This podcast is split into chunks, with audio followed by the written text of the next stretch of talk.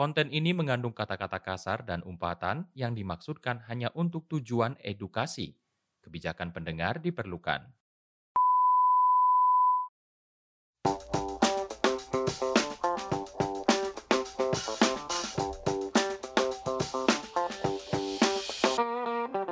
Hai, selamat bergabung di Siniar Celetuk Bahasa Tempo bersama saya Rosa. Dan saya Dewa.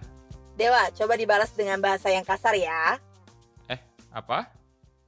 Pokoknya balas saja, tapi balasnya jangan terbawa emosi, oke? Hmm, hmm, o- Oke. Kutu kupret, Anjing.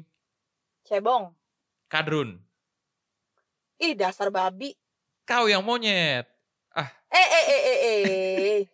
jangan ngegas, jangan ngegas. Eh, tetap terbawa emosi, Ros. Gimana caranya coba bilang kata tadi dengan cara halus?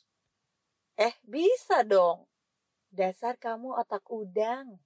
Oh, kalau cara halus jadinya seperti itu. Dasar gajah bengkak.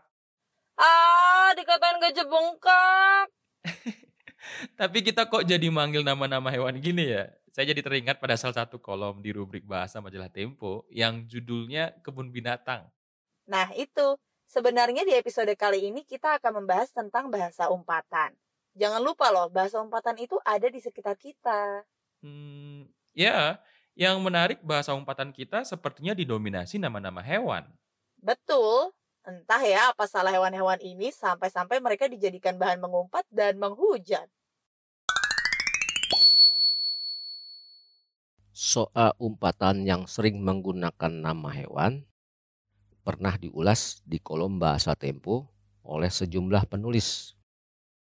Ada Irfan Budiman pada tahun 2009, Sito Srengenge pada 2010, dan Dewi Savitri pada 2018.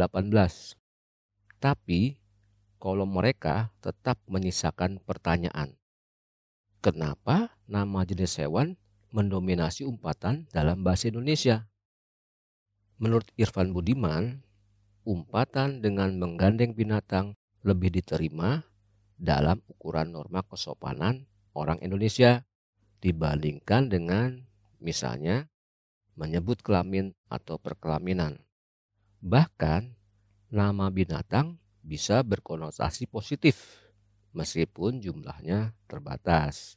Misalnya istilah mata elang untuk menyebut mata yang tajam atau burung merak untuk menunjukkan keanggunan. Menurut Sito Srengenge, kita tak pernah tahu dari mana ungkapan yang menjadi umpatan seperti itu datang atau bagaimana diciptakan. Bahkan pada suatu masa, orang Jawa misalnya terkesan lebih menghargai binatang dengan meminjam nama mereka untuk manusia. Dari masa Kediri Singosari misalnya, ada nama Bango Samparan dan Kebo Ijo. Dari zaman Majapahit, ada Hayam Muruk dan Gajah Mada. Bahkan sampai masa berakhirnya Kerajaan Demak, ada Maesa Jenar dan Kebo Kanigara. Agaknya kebiasaan yang menyeratkan nilai penghargaan kepada binatang itu ditinggalkan sejak peralihan Demak ke Pajang. Dan lebih-lebih pada masa Mataram ketika para penguasa Jawa menganggap diri mereka sebagai pusat dunia atau alam semesta. Adapun menurut Dewi Savitri, di negara-negara yang menggunakan bahasa Inggris, kata babi misalnya juga kerap diucapkan saat memaki orang. Contohnya resispeak. Kata dog atau anjing tidak lazim sebagai makian, tapi ada bitch atau anjing betina dan pussy atau kucing. Anehnya, baik bitch maupun pussy banyak dipakai dalam makian dengan interpretasi negatif terhadap perempuan. Dari perempuan jalang sampai perempuan mitra hubungan seksual. Pemakaian dua kata itu menjadi indikasi adanya bias gender. Selebihnya, mereka lebih kerap mengumpat dengan kata-kata asshole, shit, saker, dan lain-lain.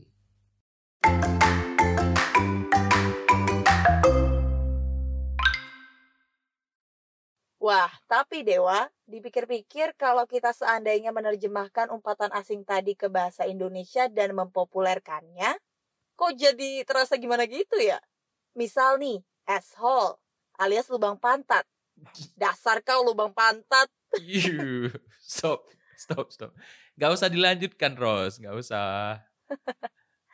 Oke oke, kembali ke umpatan hewan ya. Anggaplah kita berharap tidak ingin menistakan hewan.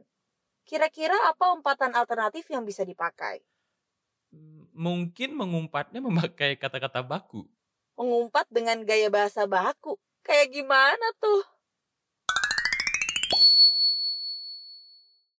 Bahasa umpatan sesungguhnya terus berkembang.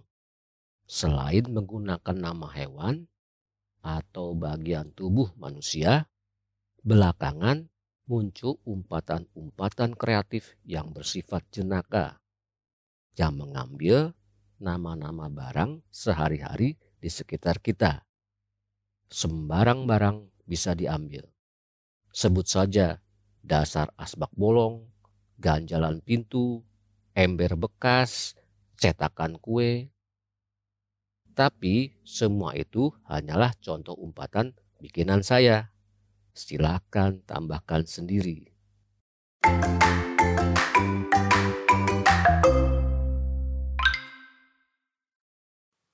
Baiklah Dewa, mulai saat ini akan saya hindari penggunaan nama-nama hewan sebagai umpatan. Seperti yang kamu bilang tadi, malang nian kan hewan-hewan itu. Tak ada salah apa-apa, kita main hina-hina saja. Hmm, andai saat mengumpat kita bisa mengontrol kata-kata yang keluar ya jadinya kata-kata yang sopan gitu.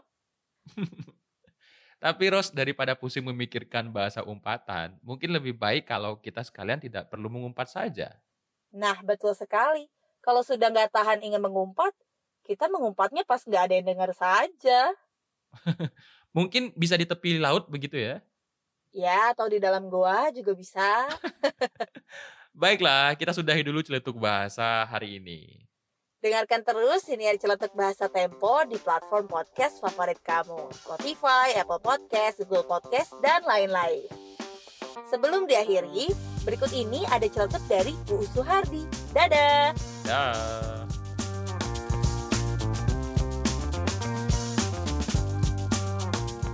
Orang yang suka bilang kampret, cebong, kadun, atau kafir dalam konteks politik adalah orang yang tidak menyukai kedamaian dan cenderung sakit secara psikologis. Percayalah, perbuatan buruk itu menular. Begitu juga perbuatan baik. Mulailah dengan berbahasa yang baik.